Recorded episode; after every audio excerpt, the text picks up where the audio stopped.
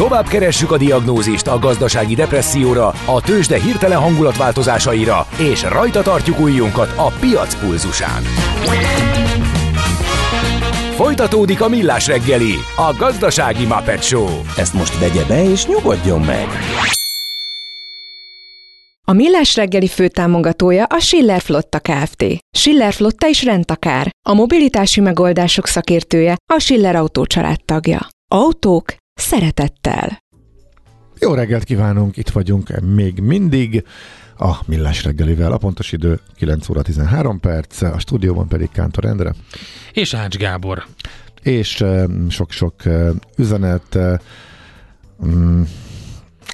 Nehéz. Van, lenne még, amit kiemelnél, mert én, én Figyelj, elvesztem, na, nagyon sok sokan írtak a, a, a Facebookon keresztül, a Messengeren is, úgyhogy megpróbálunk majd mindenre válaszolni, mindent elolvasni. Köszönjük szépen ezeket az üzeneteket, és nagyon hosszú, um, tegezős, magázós üzenetek vannak sokan. Egyet azért hadd mondjak, csak az utolsó már az IKEA sztor, illetve a Svédországban hogyan alakult át. Na. És hogyan nyert, nyert tert hogyan nyert, nyert terep? teret a tegeződés. Jellemző, hogy nem egy segédmunkás találta ki, hogy mindenkit tegezni fog, hanem egy pökhendi orvos, doktor, professzor. Úgy könnyű. Ja, szerintem ez az a hallgató, aki, aki elküldött engem a vérbe a múltkor, közölte velem, hogy egy felfúvalkodott hólyag vagyok. Azért, mert meg, meg, megmertem mert védeni, már megmertem védeni az éjjel kettőkor a, a beteggel ordibáló ö, ö, műtősnőt, hogy biztos elég erős műszak volt. Az arra próbáltam rávilágítani, hogy érdemes mindkét oldalát ennek megvizsgálni. Persze nyilván senki ne legyen a másikkal bunkó, de az a hozzáállás, hogy ez egy szolgáltatás viselkedjen normálisan, azért az, az nem teljesen állja meg a helyét szerintem, de erről beszélgettünk már a múltkor. Viszont most a történelem ismétli önmagát, mi pedig a történelmet. Érdekességek, évfordulók, események. Azt hiszed, külön vagy, mint dédapáid? Majd kiderül. Mesél a múlt. A Millás reggeli történelmi rovata. Szia Csaba úr! Szerbusztok, jó reggelt kívánok!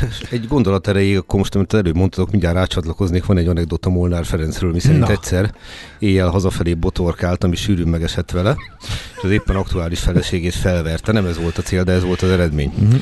Miből következően perlekedni kezdett vele, és Molnár állítólag azt a választ adta, nem idézem szó szerint, hogy hallgass már te, mire a válasz az így hangzott, hogy Ferenc, kikérem magamnak, hogy tegezzen.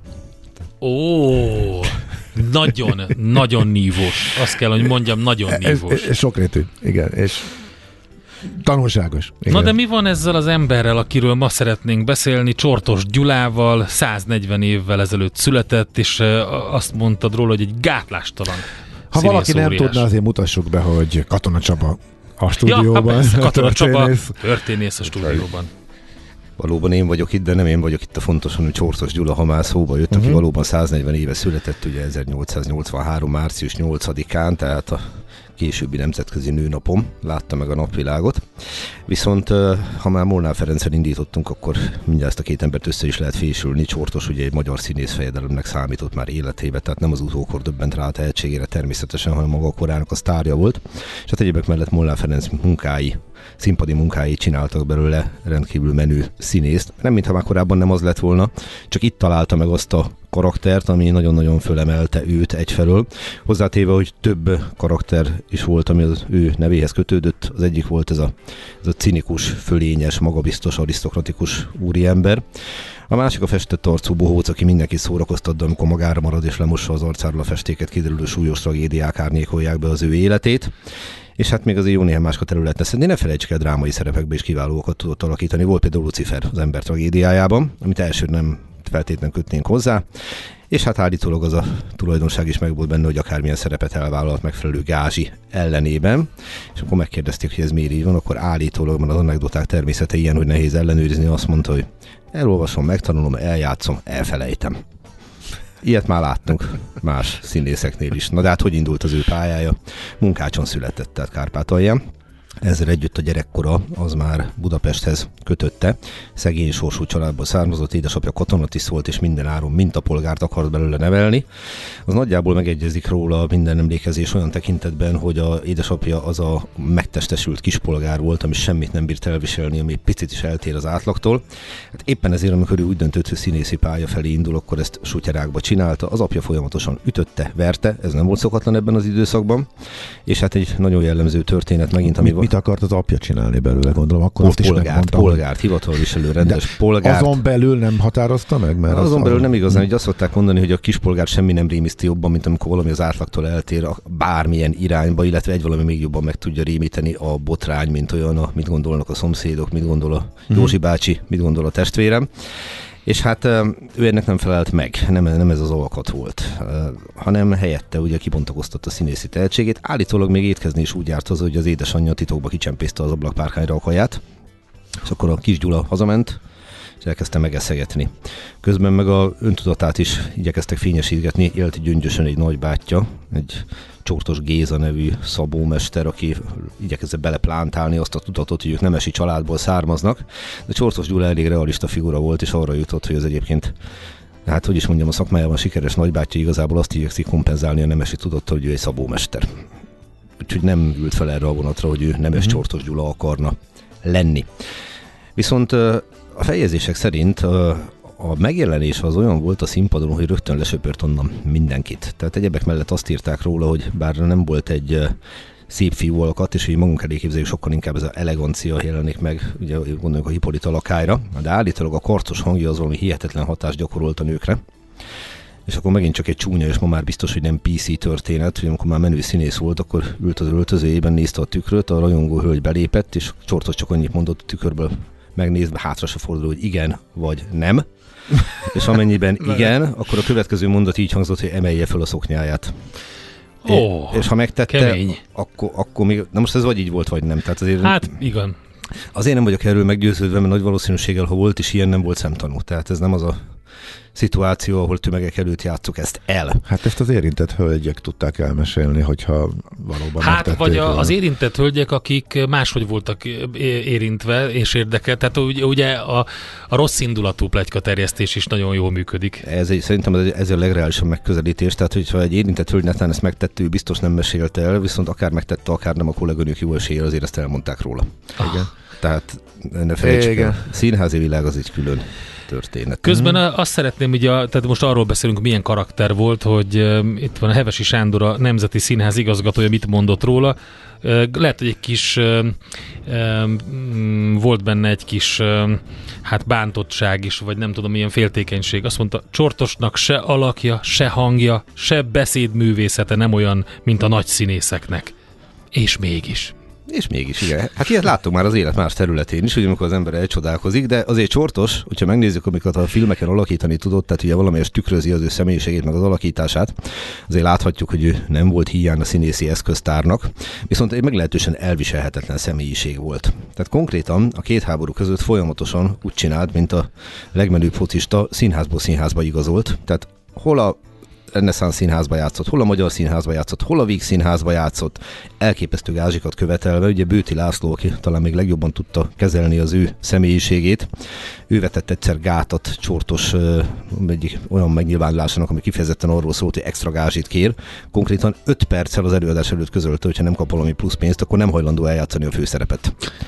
Ú, de ez szimpatikus figura.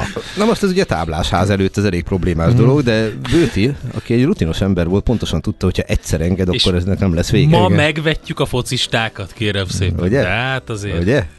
Képzeljük el, amit mondjuk Cristiano Ronaldo az bejelenti így. Szóval nem biztos, hogy ez működne.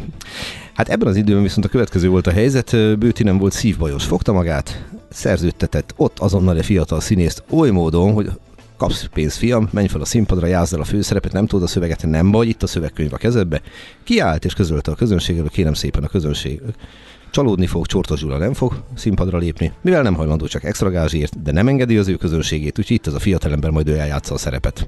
Csortos másnap már nem ebben a színházban játszott, Hú. A döntés pedig átütő sikert hozott. Tényleg? Igen, igen, konkrétan is a, a színházigazgató vagányságát abszolút mértékig díjazta a A közönség. közönség azt mondta, hogy a csortos menjen oda, ahova. Igen? Igen, mert ugye érezte, hogy a Bőti valószínűleg kellő profizmussal vette elő, hogy nem engem Bőti László sért meg, hanem titeket a közönségét, hogy azért a kis plusz pénzért képes titeket cserben Aha. hagyni. Ugye ezt kellő ügyességgel elő lehet adni úgy, hogy a közönség azt érezze, hogy itt most a színházigazgató úr, meg a fiatal beuró kollega és az ez, megmentette és ez a nem legenda. Ez, ez, ez, ez, ez így történt. De ez, ez nagy valószínűséggel tényleg így megtörtént. Na most Csaba, bocsánat, csak Igen. közben átugrottunk egy fontos életszakaszt, hogy még a anyukájához jár haza, és éppen kunyarálja a kaját, és hogy híres színész. De igazából hogy futott be? Ez ennyire gyorsan ment? Mert, hogy ezt, mert nagyon gyorsan átugrottuk, hogy Onnantól kezdve, hogy színpadra került, igen. Tehát ez az a bizonyos dolog, amit elhangzott róla, hogy igazából úgy nézzük, semmi nem predestinálta arról, hogy színész legyen, de amikor az első szerepében föltűnt, alig 20 évesen, akkor nagyon kedvező kritikák jelentek meg róla azonnal. akkor rögtön eldőlt. Igen, Aha. Tehát ö, gyakorlatilag azt lehet tudni, hogy ez az úriember, ez szó szerint uralta a színpadot. Uh-huh. Tehát Mhm. egyszer volt egy-két kollégája, aki tisztelt, például Kabos Gyulát, vagy Törzs Jenőt. Ki is fejezte az irántuk való tiszteletét, de azért a legtöbbjüket megvetette, és ugye hát van róla az a bizonyos anekdota, amikor egy ifjú kolléganő azt mondta neki, hogy ö, olyan büszke vagyok önt a kollégámnak nevezhetem, mire ő azt válaszolt, hogy kérem, én nem vagyok prostituált. Tehát Jó és, és ugye ez, ez megint egy olyan szöveg, amit lehetetlen ellenőrizni, hogy megtörtént-e, de a csortos személyiségét jellemzi. És egy nagyon magának való ember volt, akit úgy írtak le, hogy mogorva volt, barátságtalan volt, abszolút nem szeretett senkivel úgymond barátkozni, ha csak nem ő kezdeményezett. Mhm. Például, hogyha valaki odajött hozzá, kérjen tőle aláírást, akkor közöltő sajnos elfogyott. Ami hát nem egy tipikus sztár viselkedés. Ez tetszik, de ez nagyon jó. Rit, ritka bunkó, de valahol azért, valahol szellemes is. Na, nem? ezt most szépen megfogalmaztad kevésbé szofisztikáltan a ö, viselkedésének a lényegét, viszont ez az úriember ezzel együtt sztár volt, és hát ez a sztár viszont egyszer csak fogta magát, és szerelembe esett, nem először életében. E, Sokáig e, Mészáros Giza színésznővel osztotta meg a mindennapjait, most majdnem szebben fogalmaztam. Közbevetőleg jegyzem meg, hogy miután megházasodott, még utána is tartott ez a kis kapcsolat hébe-hóba. Mészáros Gizáról pedig annyit, hogy született egy lánya, Polett, és 1953-ban egy napon vesztették az életüket ketten Párizsba, mert hogy Polettnek a férje Ricardo Josszua nevű spanyol zsidó származású úriember depressziós rohamában mindkettőjüket agyonlőtte. Tehát csortos szerelme és szerelmének a lánya sajnos így végezte az életét, utána pedig Ricardo Josszua még öngyilkos is lett. De menjünk és, vissza. és bocsánat, hát most ny- tudom, nem a Story magazin, de hogyha egyszer utána is kikacsingatott és összejárt a régi szerelmével, az fölmerült, hogy az ő gyereke lenne? lenne? Mm, nem, nem, az ö, később született, tehát valószínűleg Aha. itt ez, föl sem merült, de az életnek egy gyereke. Mert hogy 1914-ben megnősült, feleségül vette Bamberger Friderikát, egy zsidó származású hölgyet. Mhm. Ő általában itt a Nagykörút környékén lakott, ebben az időben, mivel Bamberger Friderikának a szülei kőgazdag kereskedők voltak, a Gresham Palota 5. emeletén lakott. És aztán született egy gyermek egy évvel később, 1915-ben. Uh, Csortos Éva. Az élet egyik legnagyobb tragédiája volt, hogy a gyermeke, akivel közel kerültek egymáshoz, ezt nagyon kevés ember mondhatta el magáról, de hát talán egy apalánya kapcsolatban ez nem számít meglepetésnek. Őt 1943-ban elvesztette. Tehát természetesen, idézőjelben természetesen a házasságvállással végződött. Csortos nem az a típus volt, akivel együtt lehetett élni. Még egyszer megnősült, akkor egy Vigmonci nevű hölgyet vett el, ez a házasság is úgy ért véget, ahogy az előző. Azt lehet mondani, hogy Csortos egy nagyon-nagyon magának való életet élt. Itt említettem például, hogy a emberekhez való viszonya. Elképesztő pénzt keresett, a feljegyzések szerint 28-29 ezer pengő volt a csúcsán a jövedelme, és hát ez miniszterelnök kifizetés konkrétan. És ezt rendre elmulatta. Tehát valami olyasmit gyanítanak nála, hogy ez a alulról jött és a saját erejéből felkapaszkodó self-made man, ez hajszolta a pénz, de igazából nem érdekelte aztán a pénz. Tehát inkább valamiféle ilyen, ilyen hiúság dolgoztatott benne, hogy engem fizessetek meg a tehetségemet, az időmet, mindent, és elképesztő nagy zabálásokat tartott, elment a Van Peticsbe, később a Gundelbe, 5-6 fogás végigevett a színházi esték után, és akkor viszont bárkit meghívott. De azt ő döntött el. Tehát nem az volt, hogy valaki oda jött hozzá. De azt írták róla, hogy ha bárki kölcsönt kér tőle 10 pengőt, arisztokratikus módon közölt szó se lehet róla, majd ugyanarra az illetőre elköltött lazán 200 pengőt, mert hogy miért nem, mert az úr, úri kedve így diktálta. Hmm. Tehát ha megnézzük ezt a személyiséget, akkor azt láthatjuk, hogy ez a népszórakoztató színész, ez igazából egy nagyon keserű, magába hajló, befelé forduló ember volt, akinek azonban ne felejtsük el a gerincességét se, mert amikor nehéz idők jöttek Magyarországon, és a különféle zsidó törvények révén a kollégáit először különféle hátrányok érték, majd pedig üldöztetés is. Akkor Csortos egyike volt azon vezető művészeknek Jávor Pálval egyebek mellett, akik folyamatosan újra és újra kinyilvánították mélységes megvetésüket a nyilas csőcselék iránt. Például a kokáért, amikor Törzsi Jenőt, akit hogy említettem már komolyan tisztelt, ez pedig nagy kiváltság volt, mert nem sok emberrel tette ezt meg. Ugye a színpadról eltiltották a származása miatt. Csortos újra és újra hangosan elmondta, hogy ez a legnagyobb szemétség, ami megtörténhet. És hát ebben az időben azért ezzel kockáztatott.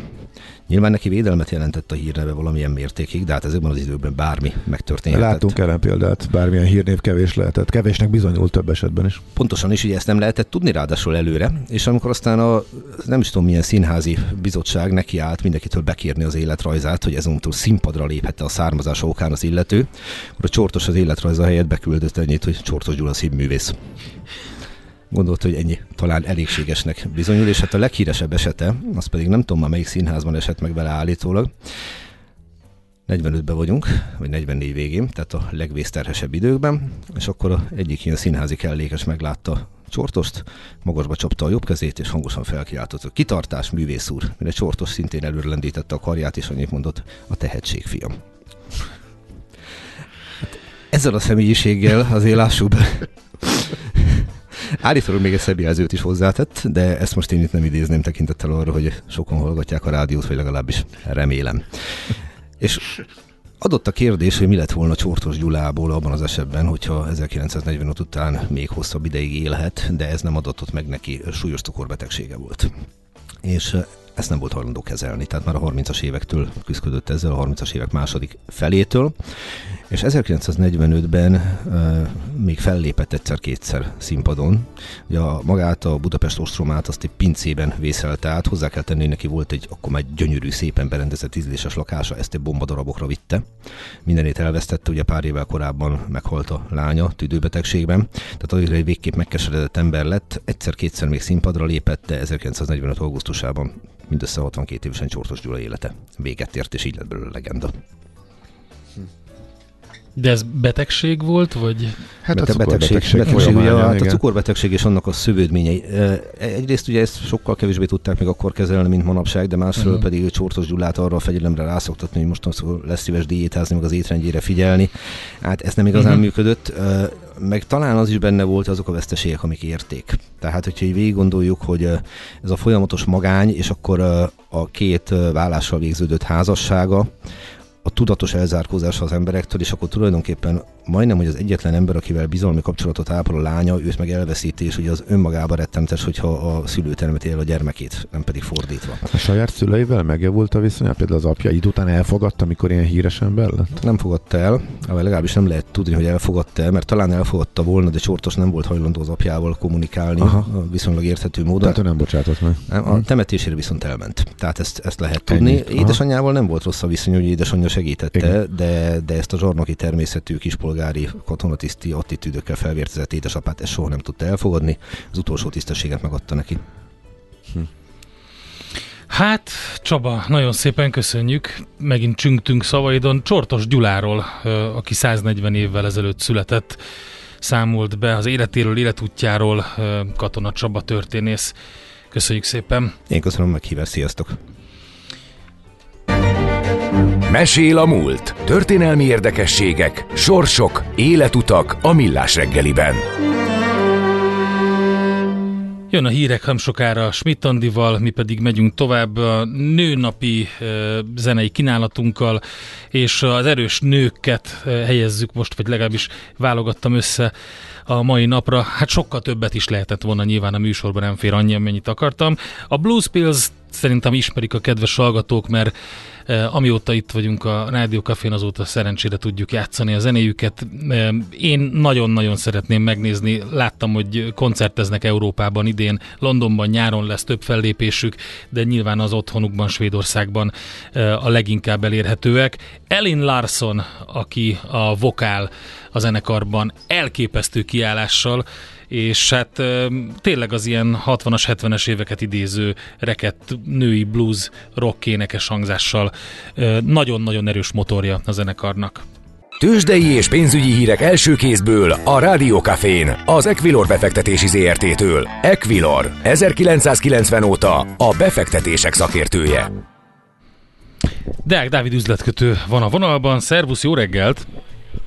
Sziasztok, jó reggelt, üdvözlöm a hallgatókat. Na nézzük először a forgalmat, és akkor utána mondd meg, hogy hogy áll a Budapesti értéktősde. Egész szép forgalom van ma a hazai kereskedésben, 1,7 milliárdot is meghaladja a Budapesti értéktősde forgalma. A Bux Index viszont 1%-os mínuszban 43.886 ponton áll ebben a pillanatban, és hát mondhatni, hogy az OTP bank nagy forgalommal esik itt a reggeli kereskedésben. 2,5%-os mínuszban hazai bankpapírunk 10.280 forinton kereskedik. Ajaj, régen volt 10 alatt, most... Sőt, most már köz, közben, miközben végig mondtam, már 3,3% a mínusz, Ajaj. 10.200 forint, és hát 1,6 milliárdot is közelíti a forgalom.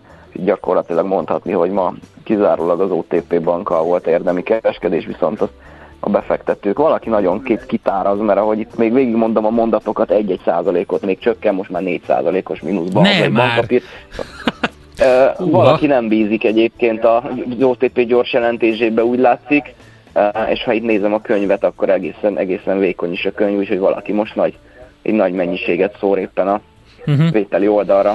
Senki más nem mozog? esetében. De, Csak mi, az de OTP? miért kérdezhetném meglepő módon? Hát igazából ez különösebb hír nem érkezett, valószínűleg ugye 9-én lesz a ö, gyors jelentés. Azt gondolom, hogy valaki próbál kitárazni így a gyors jelentés Aha. előtt, kicsit pessimista lehet ezzel kapcsolatban, de valóban igazából sem érdemi forgalom, sem érdemi mozgás nincs a blue chipek közül. Most a Richter van még 0,7%-os mínuszban 7570 forinton áll, de 0,2-0,2%-ot csökken a, a MOL és a Magyar Telekom is, úgyhogy mondhatni valóban, hogy igazából az OTP, aki, aki viszi ma az egész kereskedést, és tolja maga előtt sajnos a buxot is. Forintot, ha nézzünk, akkor ott mi a helyzet? Forint piacon egyébként olyan nagyon nagy mozgás nincsen, igazából a tegnapi záróértékek körül mozog a hazai fizetőeszköz, 1 euróért jelen pillanatban 377 forint 40 fillért, 1 dollárért pedig 353 forint 60 fillért kell fizetni a bankközi devizapiacon.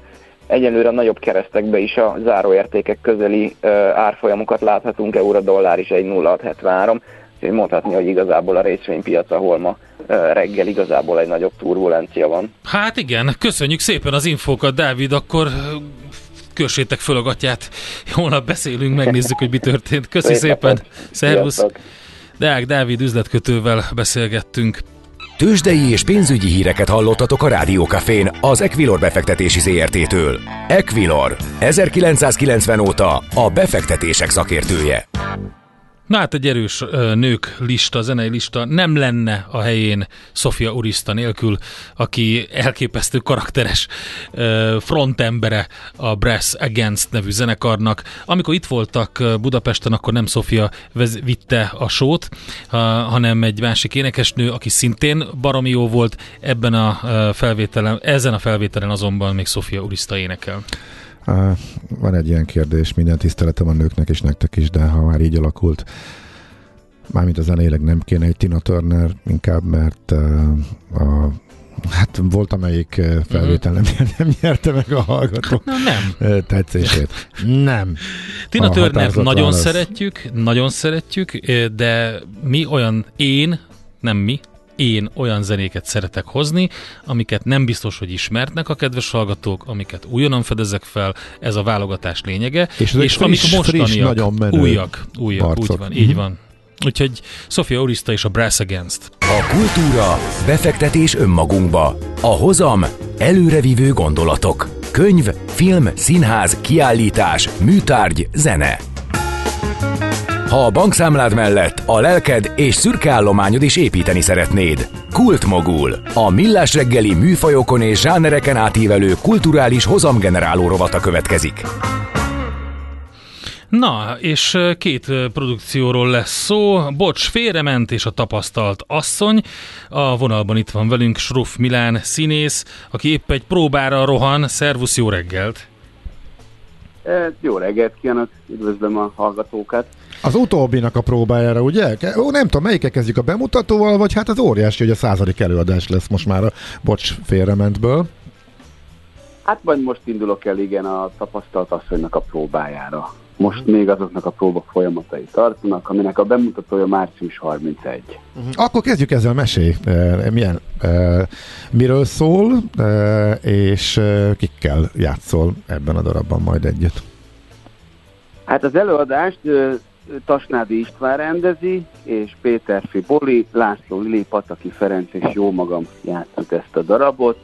Igazából a téma, hogy egy párkapcsolatban, egy házasságban mi a férfi szerepe, mi a nő szerepe, és akkor ezekről vannak különböző ilyen skic jelenetek, és hát elég sok minden téma érintve van, van benne, most nem szeretném elmondani pontosan, de van benne Persze. egy párterápia, szóval szerintem, hogyha a nézők megnézik, akkor biztos, hogy magukra fognak ismerni benne.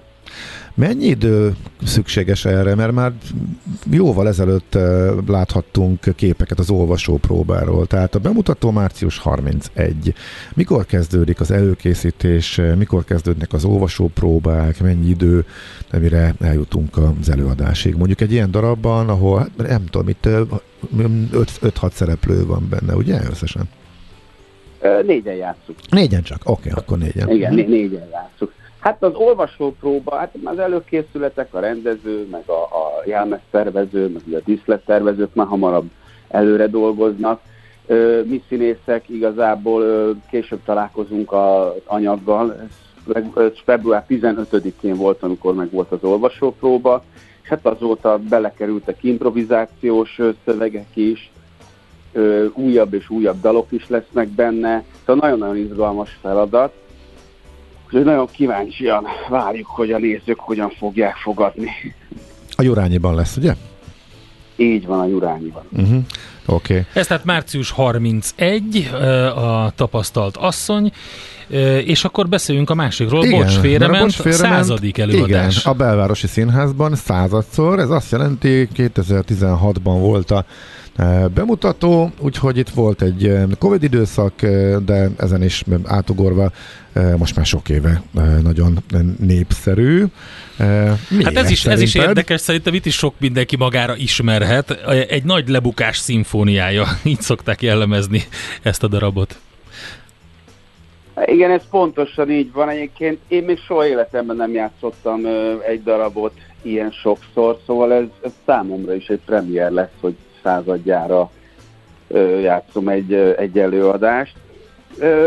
Igen, ezt nagyon-nagyon szeretik a nézők, már csak azért is, mert hát egyrészt mert rövid, szóval egy óra, egy, egy, egy, egy óra 10-15 perc, és az egyébként meg olyan, ö, szóval nagyon szórakoztató, nagyon jól van megírva, és ö, szerintem ennek ez a sikere, bár amikor ezt elkezdtük, és először, ez, ez, ez ugye itt volt az ős bemutatója, ö, mármint Magyarországon. Uh-huh. Hát nagyon-nagyon féltünk tőle, mert még mi színészek, hogy játszuk ezt az előadást, ugye Kovács Patricia, Mészáros Máté, Péter Kata, Járó Zsuzsa és jó magam. Szóval hát sokféle anyaggal, meg darabbal találkoztunk már így a mondjuk úgy, hogy így a pályánk során, de azért ilyennel nem, és nagyon-nagyon féltünk tőle, hogy ez, ez egyáltalán működni fog. Hogy Mert ugye azt mondjuk el, hogy igen, öten ültök az asztalnál egy-egy laptop előtt, egymásra sem nagyon néztek, alig, vagy minimális mértékben, a chat üzenetek felolvasása végül is. Igen, ez önmagában és a egy óriási kihívás. Hogy, hogy valós e-mailekből, meg valós üzenetekből állították össze ezt. Ja, jól tudom, igen, ezt a, az író ilyen saját ö, élet történetéből írta meg, és ö, ö, nagyon nehéz ezt működtetni, mert igen, olyan tényleg nincsen ö, kapcsolatunk egymással, és ráadásul nem is ugyanazokra a szövegekre válaszunk sokszor, ami éppen elhangzott, hanem lehet egy később replikára.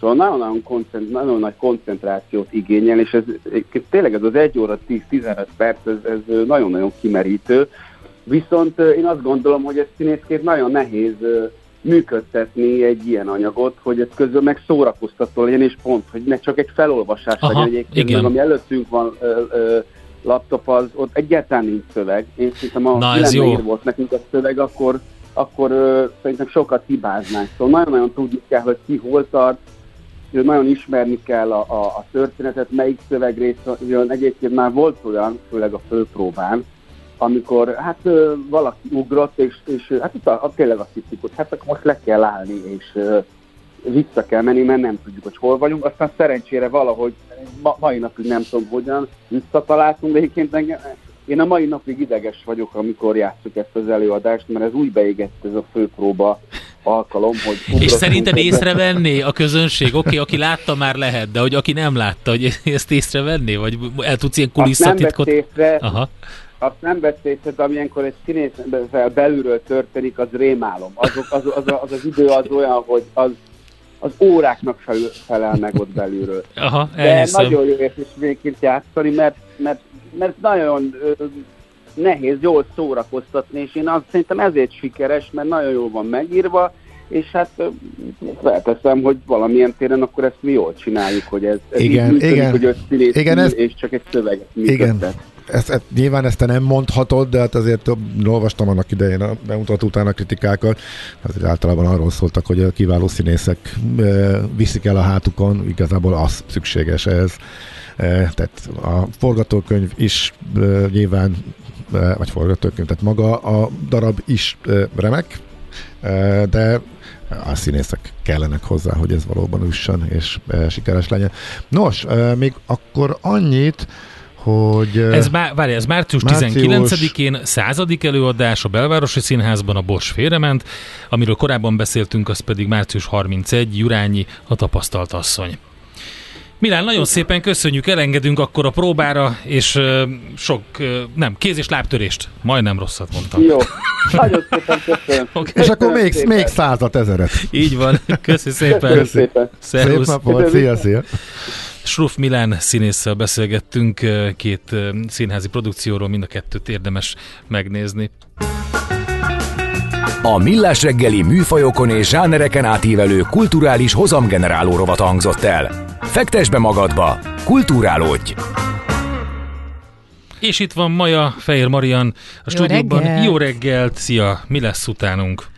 Két téma lesz. Az egyik, az ugye napembere, abban Kokas Katalin lesz, aki Liszt díjas, érdemes művész, hegedűművész, a Zeneakadémia docense, és egy nagyon-nagyon aktív szenvedélyes nő, négy gyermek édesanyja, uh-huh. miközben egyébként folyamatosan... Zene elméleti pedagógus is, hogyha jól tudom, hogy rengeteg ő. Neki nagyon nagy uh, szenvedélye a zene, uh-huh. ugye ilyen családból is jön, illetve roppant uh, nagy feladatnak gondolja, és állandó feladatnak, hogy ő ezzel adjon. Egyébként uh-huh. rengeteg fesztivál szervezése is fűződik a nevéhez, ami nemzetközi, tehát nemzetközi ö, résztvevőkkel ö, teli, mert ö, igen, tehát ő nagyon szeretné, hogyha ez mindenhova eljutna a zene nevelés, a zene szeretete, a zene élvezete. Nagyon jó. És ugye most ez egy portré lesz, tehát úgy ő róla magáról is megtudhatunk majd néhány dolgot, de azt mondhatom, hogy egy ilyen nagyon-nagyon-nagyon jó energiájú az kell. Jól beszélget. Az kell. Igen, szenvedélyes nő. Ez az egyik. A másik, az pedig ö, tényleg egy téma, a Civil Kollégium Alapítvány ö, hirdetett egy, egy projektet, egy cselekvési programot az igazságosabb oktatásért. Az Aha. a felkiáltás, hogy kapjon minden gyermek egyenlő figyelmet. És itt többnyire arról van szó, hogy sok tízezer tanulási nehézséggel küzdő ö, esen is gyerek, vagy szegregációban Speciális élő roma, így van. Így mhm. van ö, háború elől menekülő ukrán gyerek él ma Magyarországon, akik valamiért, vagy, tehát akik nem tudnak feltétlenül úgy kapcsolódni az oktatásban, hogy uh, ahogy ez kellene, illetve hogy ők fejlődni tudnának. És ők azt szorgalmazzák, hogy a, a pedagógus asszisztensek legyenek többen, mhm. akik, uh-huh. akik Igen. segítenek ezeken a helyzeteken, ezeken a gyerekeken, és azt szeretnék, hogyha tudod, a civilek hangja elérne oda, hogy erre legyen szándék, akarat, forrás, ember, lehetőség. Borzasztó nehéz, és annyira szélmalomharcnak tűnik a jelenlegi oktatási helyzetben, hogy az alapok nincsenek tisztázva, Ez ugye, és akkor erről ugye alig esik szó, úgyhogy nagyon fontos téma, hiszen, hiszen most el, mindent elhomályosít az, hogy egyáltalán maguk a pedagógus bérek, vagy az oktatás helyzete valamilyen szinten normalizálódjon, és nem beszélünk a, ezekről a ö, gyerekekről, akik valamilyen szempontból kimaradnak, kilógnak. Ráadásul nincsenek... tudod, hogy mi a nehéz ebbe, hogy uh, itt lesz a, a két vendégem lesz ezzel kapcsolatban, uh-huh. és az egyik vendég, ő egy tapasztalati szakértő, egy autista kisfiúnak az édesanyja, uh-huh.